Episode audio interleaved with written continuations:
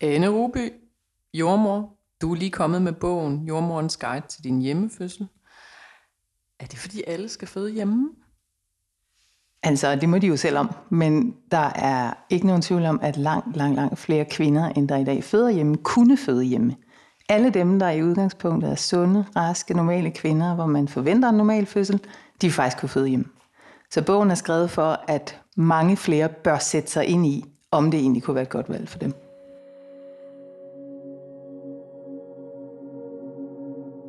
Velkommen til Smertefri Fødsels podcast. Vi sidder endnu en gang i Strandgade på Christianshavn, og i dag har vi jordmor Anne Ruby i studiet. Anne, hvis du lige skulle opremse fordelene ved hjemmefødslen, både for moren og for babyen og for partneren, hvad er de så? Og hvor lang tid er det, vi har det? Det er en halv time. altså, der er jo, altså helt ærligt, jeg lægger gerne ud med at sige, at der er livslange fordel ved det. Fordi jeg synes slet ikke, vi taler nok om, hvor vigtigt det er, hvordan vi bliver født. Så jeg kunne egentlig godt tænke mig, i stedet for at starte, det er bare fordi jeg er anarkist, så vil jeg gerne starte i en anden rækkefølge end det, du sagde. Men start med barnet, fordi jeg synes, vi taler alt, alt for lidt om, hvordan vi kommer ind i den her verden, og hvor afgørende det er. Der er masser af psykologisk forskning, der peger på, at det imprint, vi får ved fødslen, det bliver på en måde sådan en skabelon for, hvordan vi håndterer udfordringer i livet. Så hvis man nu forestiller sig, at du ligger inde i din mors mave, omgivet af varmt fostervand og bløber rundt, og hele din verden er mor. Du er totalt tryg. Det er jo det der charterophold, øh, all inclusive. Du skal ikke gøre en skid. Du får mad gennem navlestrengen, du får ild gennem navlestrengen. Du er hele tiden passet på og tryg. Der kan nærmest ikke altså, komme nogen fare til dig. Så rolig og tryg et, et, øh, en ferie er du på.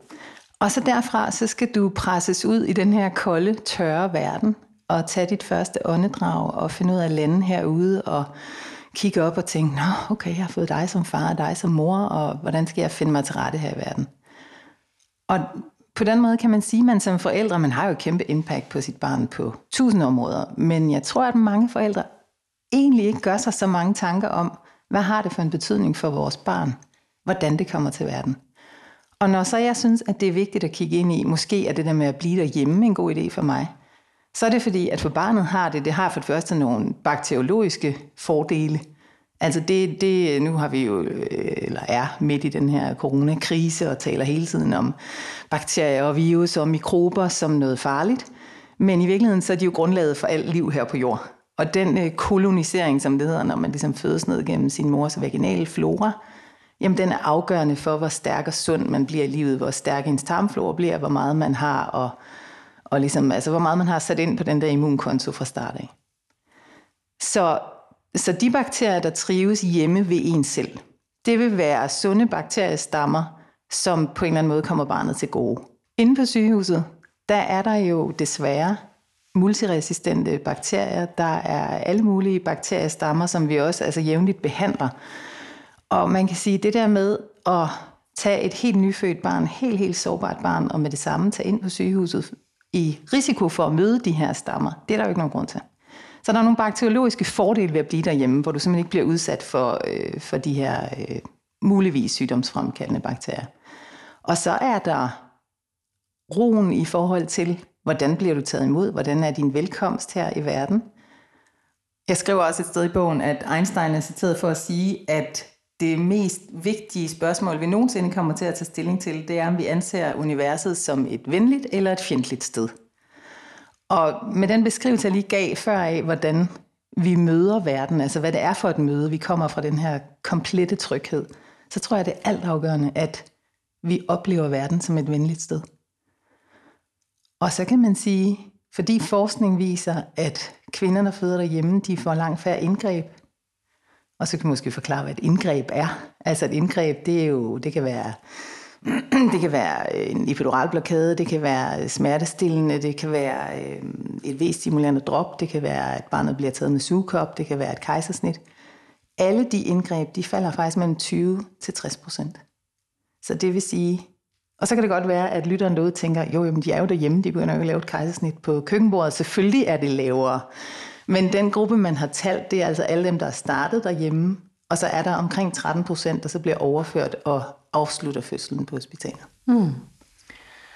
Jeg synes jo, det giver enormt god mening, det du fortæller, og jeg får næsten lyst til at føde hjemme i stuen igen, men jeg sidder også og tænker, at som lytter, så kan man tænke, okay, det lyder nærmest faretruende at få babyen på, til verden på hospitalet.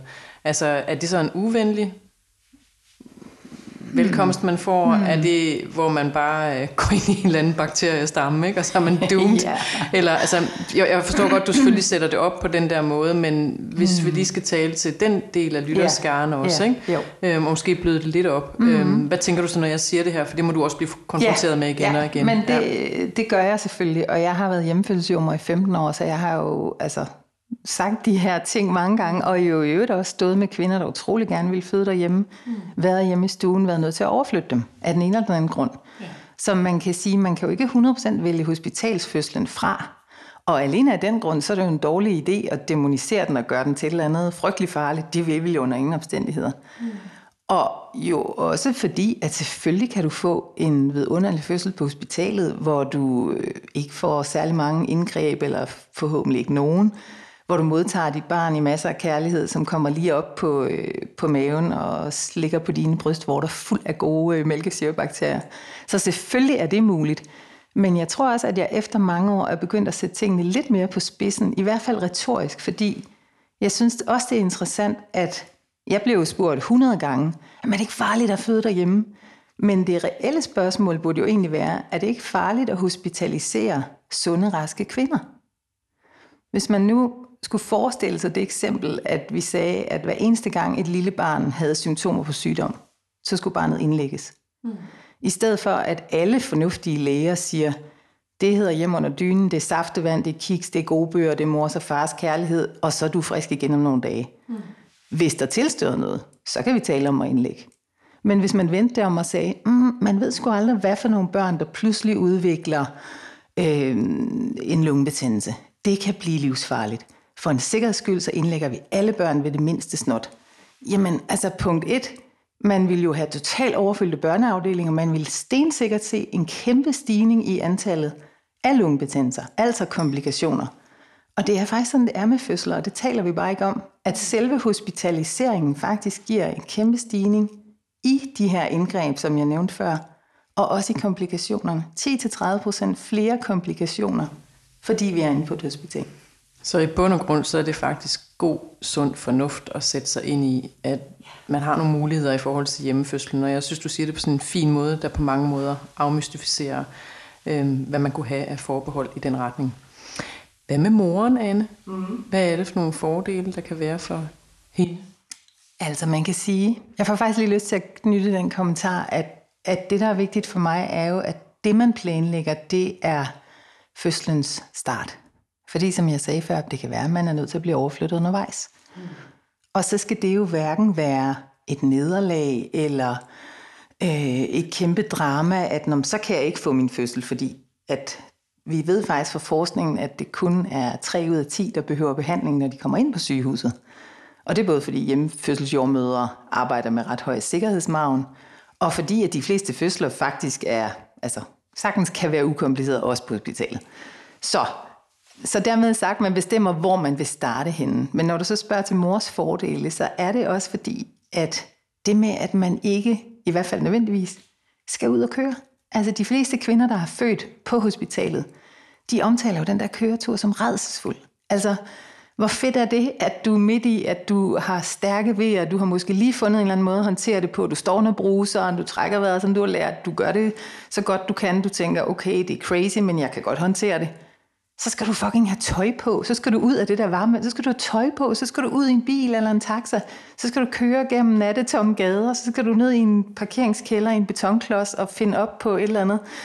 Og så derop, da jeg selv fødte på sygehuset for, øh, for første gang for 24 år siden, så kan jeg huske alt det her. Det var stort set sådan, som jeg lige har beskrevet det. Og så kom vi ind på sygehuset, og så blev vi mødt af, I kan sætte jer derovre på plastikstolene.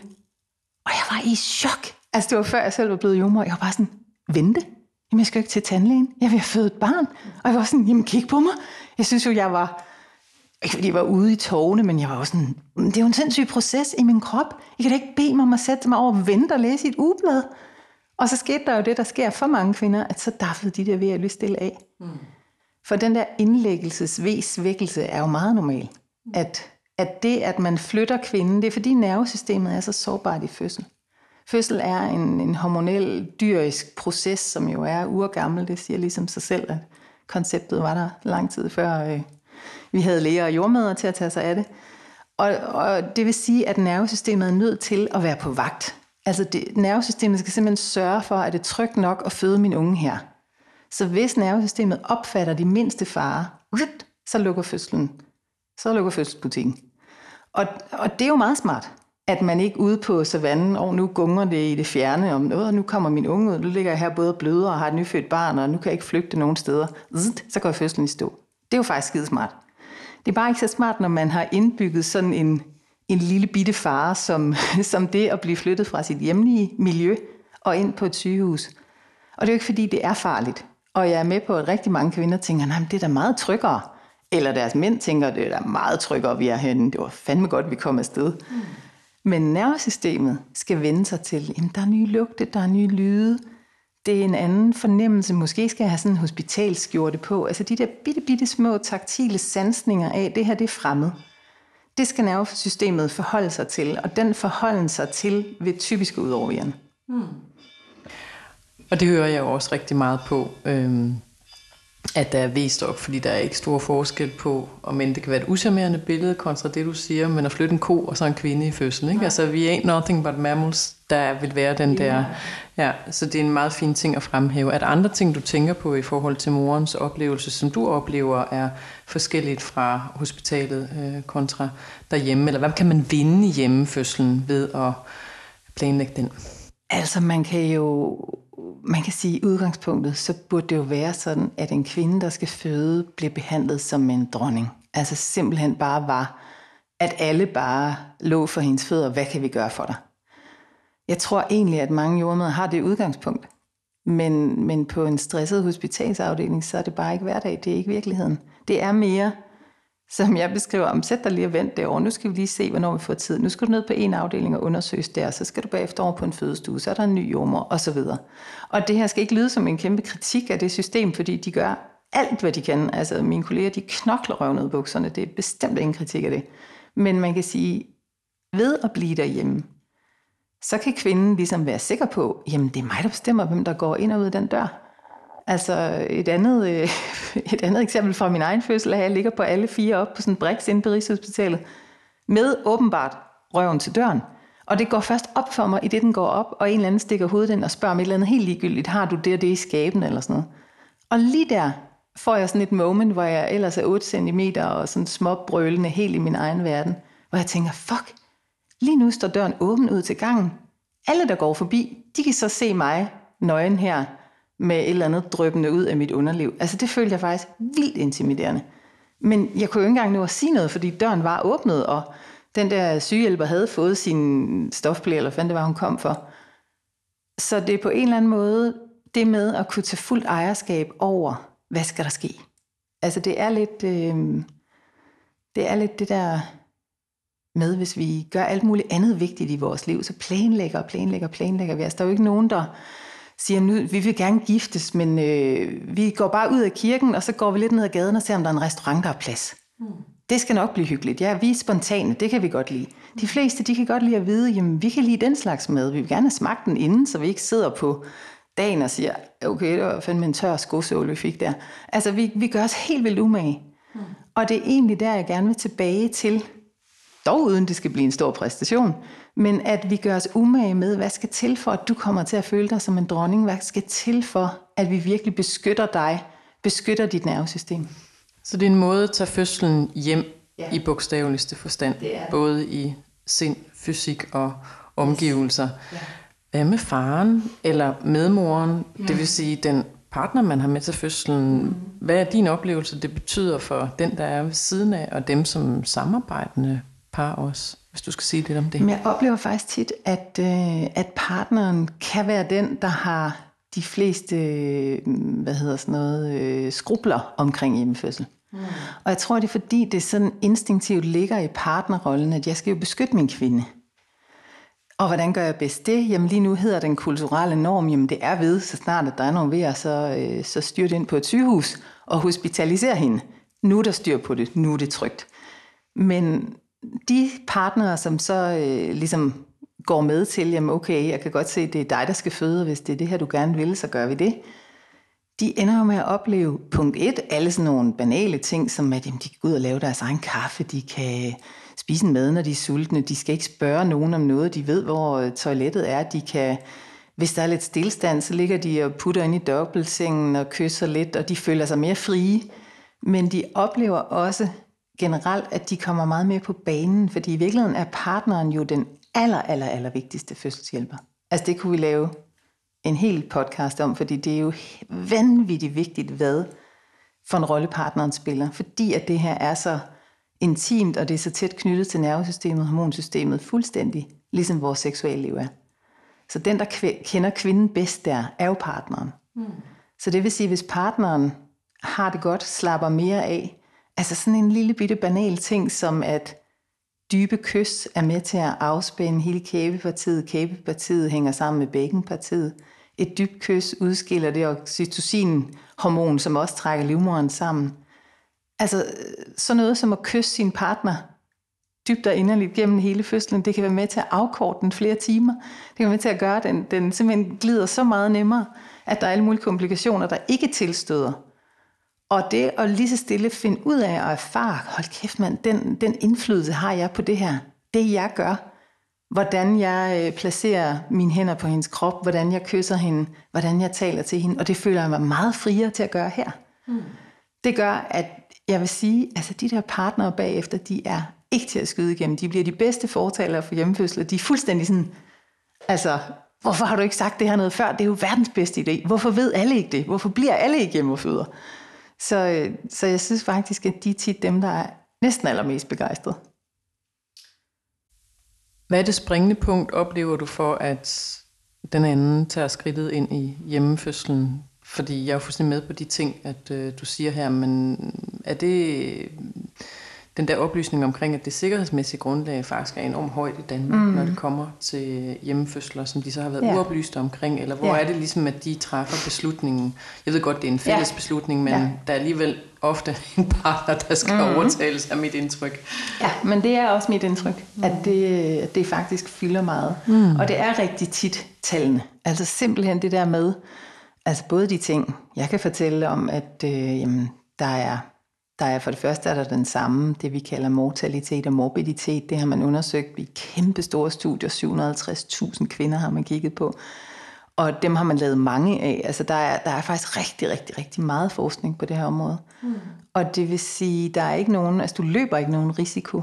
Og så er det også en forståelse for det, som jeg kalder fødselens dramaturgi. Altså det her med, hvordan udvikler en fødsel sig at, at der er det jo sådan i vores samfund, at der interesserer vi os ikke rigtigt for det der med børn og fødsler, før vi pludselig selv har en kage i ovnen og ligesom står der, fuck, nå, nu er det så os, det går ud over. Hvad, hvordan gør man det? Mm.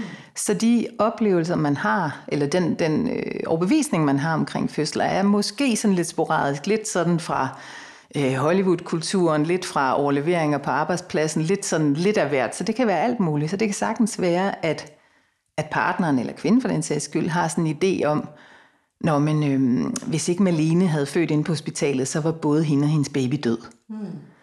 Og når jeg så får lidt flere detaljer om den fødsel, og kan sige, jamen prøv at høre, Malene, hun var blevet overflyttet syv timer før det kejsersnit.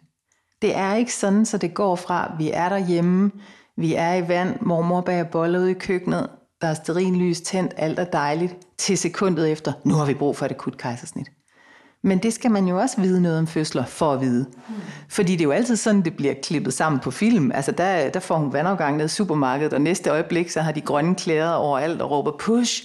Og altså det der, den der, det er jo netop fordi, at fødsler langt hen ad vejen, i hvert fald for udenforstående, er røvkedelige. Altså de er langsomme, de er rolige, der sker ingenting. Altså det, det er sådan lidt ligesom et, et godt forspil. Det er jo ikke nogen, der, der gider at sidde og se på i tre kvarter i en eller anden øh, pornofilm. Altså, det, er, det er jo fuldstændig klippet ind til benet. Der er jo, altså. Vi springer over, at VVS-manden ringer på. så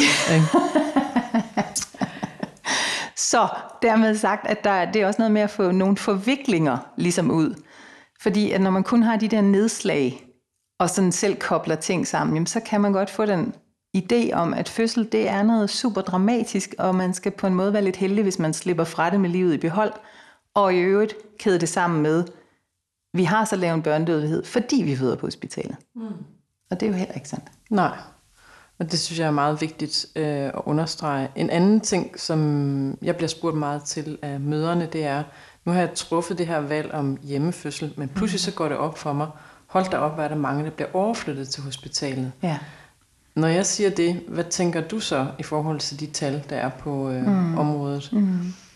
Altså, at overflytningsgraden afhænger simpelthen af, hvor godt den hjemmefødselsordning er organiseret. Det kan vi se. Det er ikke min holdning. Det, det er også tal, der viser det. Så det er dejligt, hvis man kan vælge en erfaren hjemmefødselsjordmor, fordi så falder ens øh, risiko for overflytning. Så det er den ene ting, at, og det kan man jo så ikke altid. Nogle gange, så må man bare føde med Herningen Hospital, der sender en jordmor ud, og hun kan jo være fuldstændig vidunderlig og erfaren og alt muligt. Men, øh, men det er sådan ligesom mere et organisatorisk plan, et strukturelt plan, hvor jeg også synes, at man, øh, man giver kvinder for dårlige betingelser. Men det skal nok, jeg skal nok styre mig selv og prøve at komme tilbage på sporet. Fordi i forhold til det med overflytning, så synes jeg faktisk, det er lige så vigtigt, at man ser det som... Altså jeg plejer at sige, at du har en håndfuld af, af trumfer. Og en af de trumfer, det er hospitalskortet. Og det kan vi bare trække, hvis vi får brug for det. Så det er jo ikke et enten eller. Det er jo ikke sådan noget med, om enten så er det helt ud i buschen, og så øh, har vi øh, kun de urter, vi selv koger over bålet, og øh, du kan bide i et ræb, og øh, så overlever barnet, hvis det gør. Nej, altså vi er faktisk så privilegerede i den her del af verden, at vi kan planlægge alt det rolige, dejlige, vilde, naturlige, spontane, urkvinde, alt det, det kan vi planlægge derhjemme. Og hvis det så på en måde, hvis de trumfer slipper op, hvis vi ligesom kan mærke, altså den hyppigste årsag til overflytning, det er, øh, det er stillstand i fødslen. Så det er ikke drama overhovedet. Det er faktisk bare, der sker for lidt. Og man med den her V-svækkelse, så efter at have prøvet alt muligt, reboso og homeopati og akupunktur og halli hallo, alt muligt, så siger man, okay, ved du hvad, vi pakker bare Volvoen og kører ind på sygehuset, det er fint. Så det er faktisk det, du opfordrer til at se det som et både og, fordi at der kan jo være nogle situationer, hvor der er det bare Guds gave til fødslen at få et V-drop, når ja. alt andet er blevet øh, brugt. Ikke? Altså, men det er bare meget forskelligt ja. at starte det ene kontra det andet sted. Ja.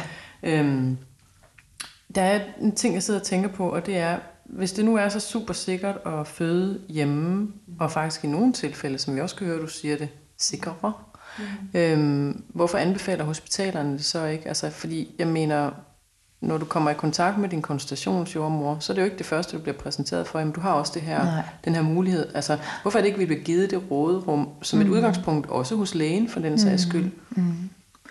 Jamen, det er et godt spørgsmål, og øh, man kan sige, altså lov, lovmæssigt, så har kvinder både en ret til at føde derhjemme med en jordmor i hjemmet, øh, og få gratis jordmorhjælp i hjemmet. Og så har hun faktisk også en lovsikret ret til at blive øh, informeret om sine valg af fødesteder. Og den, øh, den pligt, den ligger hos den praktiserende læge ved det første besøg, som jo typisk er sådan noget 5, 7, 10 uger henne i graviditeten, at man møder sin læge. Så hvorfor de praktiserende læger ikke siger mere om det her, det tror jeg handler om deres egne følelser. Altså at, øh, at de hører de hører jo også mange fødselshistorier. De får mange kvinder tilbage i praksis, som de har fulgt i graviditeten, og så tager de ind og føder på et sygehus, og så kommer de tilbage. Og med al respekt for praktiserende læger, som er et dejligt folkefærd, som jeg holder meget af, så, øh, så ved de jo sådan set ikke noget om normale fødsler. Altså de er slet ikke uddannet i det. De har, ikke, øh, de har kun en uddannelse i, i det, det patologiske. De er typisk, altså for at blive praktiserende læge, skal man typisk have været seks måneder på en fødegang der, der når man jo ikke sådan at få erfaring med fødsler, men man når at se en hel masse. Og det man når at se, det er lidt ligesom de brudstykker, jeg forklarede før med, med partneren og andre, der sådan kobler, når jeg bliver kaldt ind på en stue, øh, 10 minutter efter, der løber vi ned ad gangen til et kejsersnit. Mm. Så, øh, så det er på en måde også fordi, at der er et helt felt, de simpelthen ikke ved noget om. At de simpelthen ikke kender til, jamen, hvordan er, er fødslens fysiologi skruet sammen. Fordi dem, der gør det, de anbefaler det. Og det man kan se i for eksempel skal jeg igen nok prøve at holde mig lidt fra det, det politiske lag, men altså i, i Region Sjælland, hvor man jo i næsten 30 år har haft en velfungerende hjemmefødselsordning, en offentlig ordning, men hvor det er private jordmøder, der ikke laver andet, de har kæmpe speciale, de tager ud til hjemmefødsler. Der har man både en meget lav overflytningsprocent, men man har også den effekt, at hjemmefødslerne de stiger og stiger og stiger. Fordi både er det hyppigt at komme i mødergruppen med en, der er født hjemme, og høre, gud, kunne man godt det? Nå, det vil jeg da egentlig ønske, jeg havde gjort. Det lyder da mega fedt. Plus, at mange af de der praktiserende læger, der selv skal have børn, tænker, hmm, og måske føder hjemme, og gør man det en gang, jamen så anbefaler de det til alle deres klienter. Alle dem, det nu er, er oplagt for. Og så hører de de gode historier. Så der er for eksempel, altså der er for eksempel en kommune som Sorø, hvor det er over 10 procent, der føder hjemme. Mm. Og det er, jo, altså, det er jo næsten en ja, 4-5 dobling af, hvad der er på landsplan.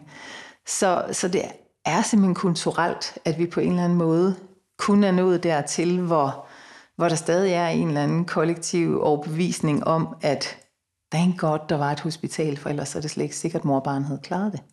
Og det synes jeg er en meget vigtig pointe, fordi der er altid noget bag det der udsagn, og så også det der med, at det er en kultur, der gror på os, når vi kender mm. nogen, der kender nogen, mm. og man har hørt om, fordi det der tryghed opstår. Ja. Og vi er jo meget sådan nogle flokdyr, der mm. gør, som de andre gør. Mm. Ikke? Det er meget et spørgsmål om oplysning, mm. og så den der kendskabseffekt. Og jeg er ja. simpelthen så glad for, at du fremhæver hjemmefødselsordenen i Sjælland, som jo øh, er et pragt eksempel ja, på, det er det bare. Øhm, i alle de her år, de har arbejdet for sagen. Ja. Det, der også er meget vigtigt at spørge om, synes jeg, den her sammenhæng, og det må også være noget af det, lytteren sidder og tænker på. Hvad er dine gode råd i forbindelse med øh, hjemmefødsel? Jeg tænker sådan helt lavpraktisk, fordi mm-hmm. ofte det spørgsmål, jeg får, det er sådan noget, man sviner det ikke, og kræver det ikke enormt meget, osv. Mm. Og min erfaring er, at det gør det faktisk ikke, men jeg kunne godt tænke at høre dine tips. Ja. Hvad, ja. hvad kræver det? Ja. Altså, ja. Men mit første tip er faktisk keep it simple. Altså i forhold til sådan noget med plads, altså der, der kommer alle de der, når man så begynder måske at lukke til, men det kunne vi egentlig godt tænke og så kommer der alle de der, øh, så skal man ligesom over alle de der hum, men det kan ikke lade sig gøre de og de og de grunde. Og nogen tror, man skal have mega meget plads. Det behøver man ikke. Altså, jeg siger nogle gange i sjov, at hvis der er plads til at lave en unge, så er der også plads til at føde den. Altså, du skal ikke bruge ret mange kvadratmeter, fordi det, det, det handler om, det er faktisk intimitet og tryghed. Så jeg har taget imod børn, haft vidunderlige hjemmefødsler i bitte, bitte små kollegieværelser, hvor man tænkte, jamen, altså, jeg ved knap nok, hvor jeg skal stille min taske, for der er ikke nogen ledige flade, men det er lige meget.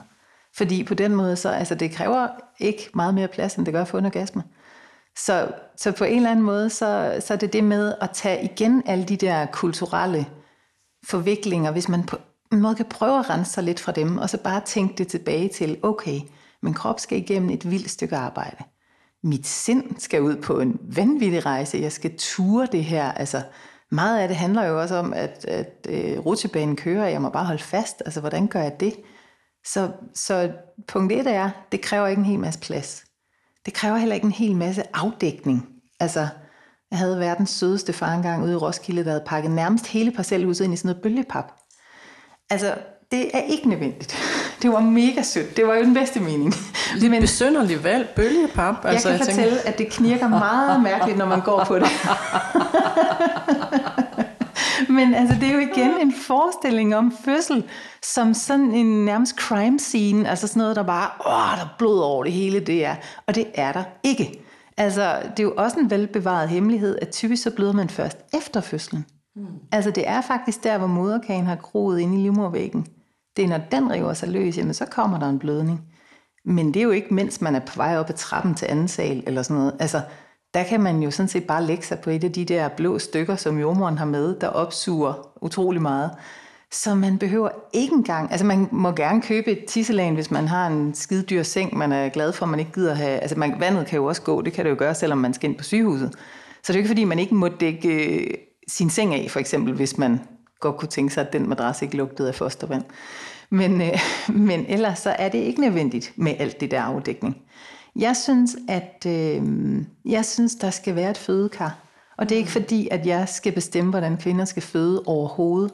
Men det er fordi, jeg synes, det er så afgørende lækker en, et tilbud at have i sin fødsel. Og fordi at kvinder i fødsel, de skal ikke øh, kognitivt tage stilling til en masse ting. Det kan man slet ikke. Altså når man er gået i sin krybdyrs hjerne og i sit fødeinstinkt, så er man så optaget bare af øh, ja og nej. Altså man er helt sådan simpel, og det er sagt på den bedst tænkelige måde. Men man skal ikke begynde at spørge en kvinde i fødsel, Nå, men øh, kunne du godt tænke dig at komme i brusebad, eller vil du lidt hellere? Fordi det aner man ikke. Altså, man har ingen anelse om det. Men hvis man kan fylde et fødekar og sige, prøv lige komme skat, hop lige med op i det her kar. Hvordan er det? Åh, oh, det er fedt. Det kan jeg virkelig godt lide. Så kan hun mærke det. Og det kan også være, at hun er en af de få kvinder, der efter tre vejer dernede siger, Puh, jeg kan slet ikke finde mig til rette, det er for, øh, det er for et eller andet varmt, eller det er for, øh, jeg skal op og stå, jeg skal op og stå på mine ben, giv mig mit køkkenbord tilbage, jeg vil derud igen. Så fint. Altså det er jo slet ikke fordi, at jeg skal bestemme, om kvinder skal føde i vand. Men man kan bare sige, hvis ikke fødekarret er der, og hvis ikke man vil ofre de der 400 liter varmt vand på at prøve at fylde det, så kommer hun ikke til at mærke, at det måske var det, der gjorde, hun bare synes, fuck, hvor fedt. Altså, det er jo kæmpe god smertelindring. Der er mange, der kalder det der vand for the aquadual. The aquadual. Yes. Det er et godt udtryk. Ja. Og jeg vil sige, som med alt andet, så er det jo en mulighed. Det er et råderum. Men hvis det ikke er for håndeværende, så har du lidt svært ved at træffe det der valg. Ikke? Ja. Og præcis som du siger, det er jo ikke sådan, at man er vandføder eller ej. Det må Nej. situationen og timingen afgøre. Ja. Og så kan det være, at man elsker det næste gang, hvis man ikke kunne lide det den her. Ikke? Altså, Også det, jo. Men muligheden ja. er så vigtig.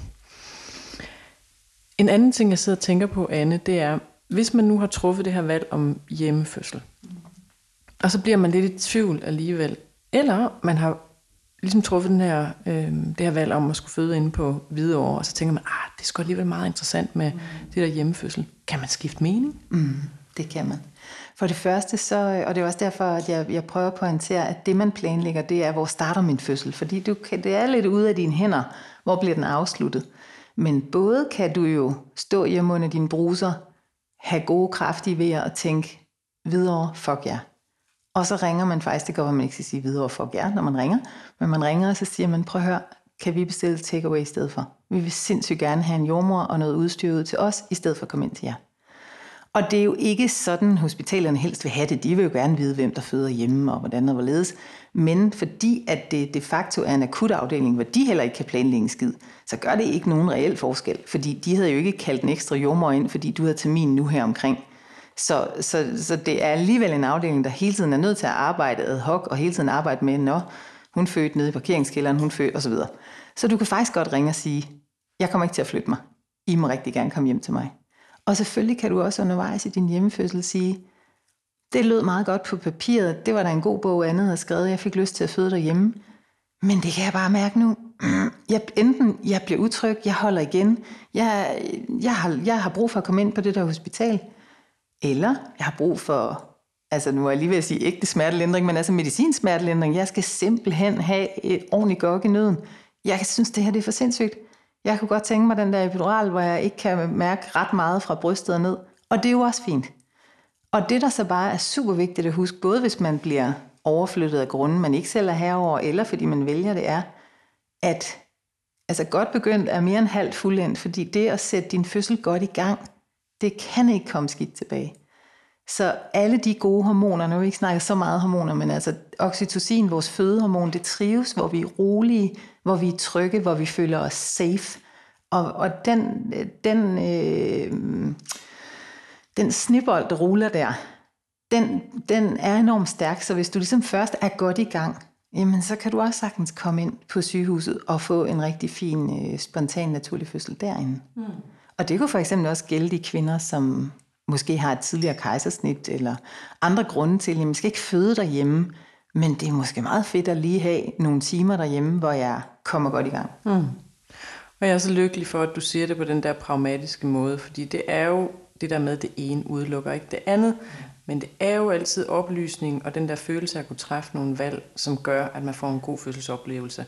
Om den så foregår på månen, ikke? Altså, Fuldstændig. Men du skal bare vide, at den her mulighed den eksisterer, og det skal der mm. meget mere oplysning til, og det synes jeg virkelig, du har givet os et godt indblik.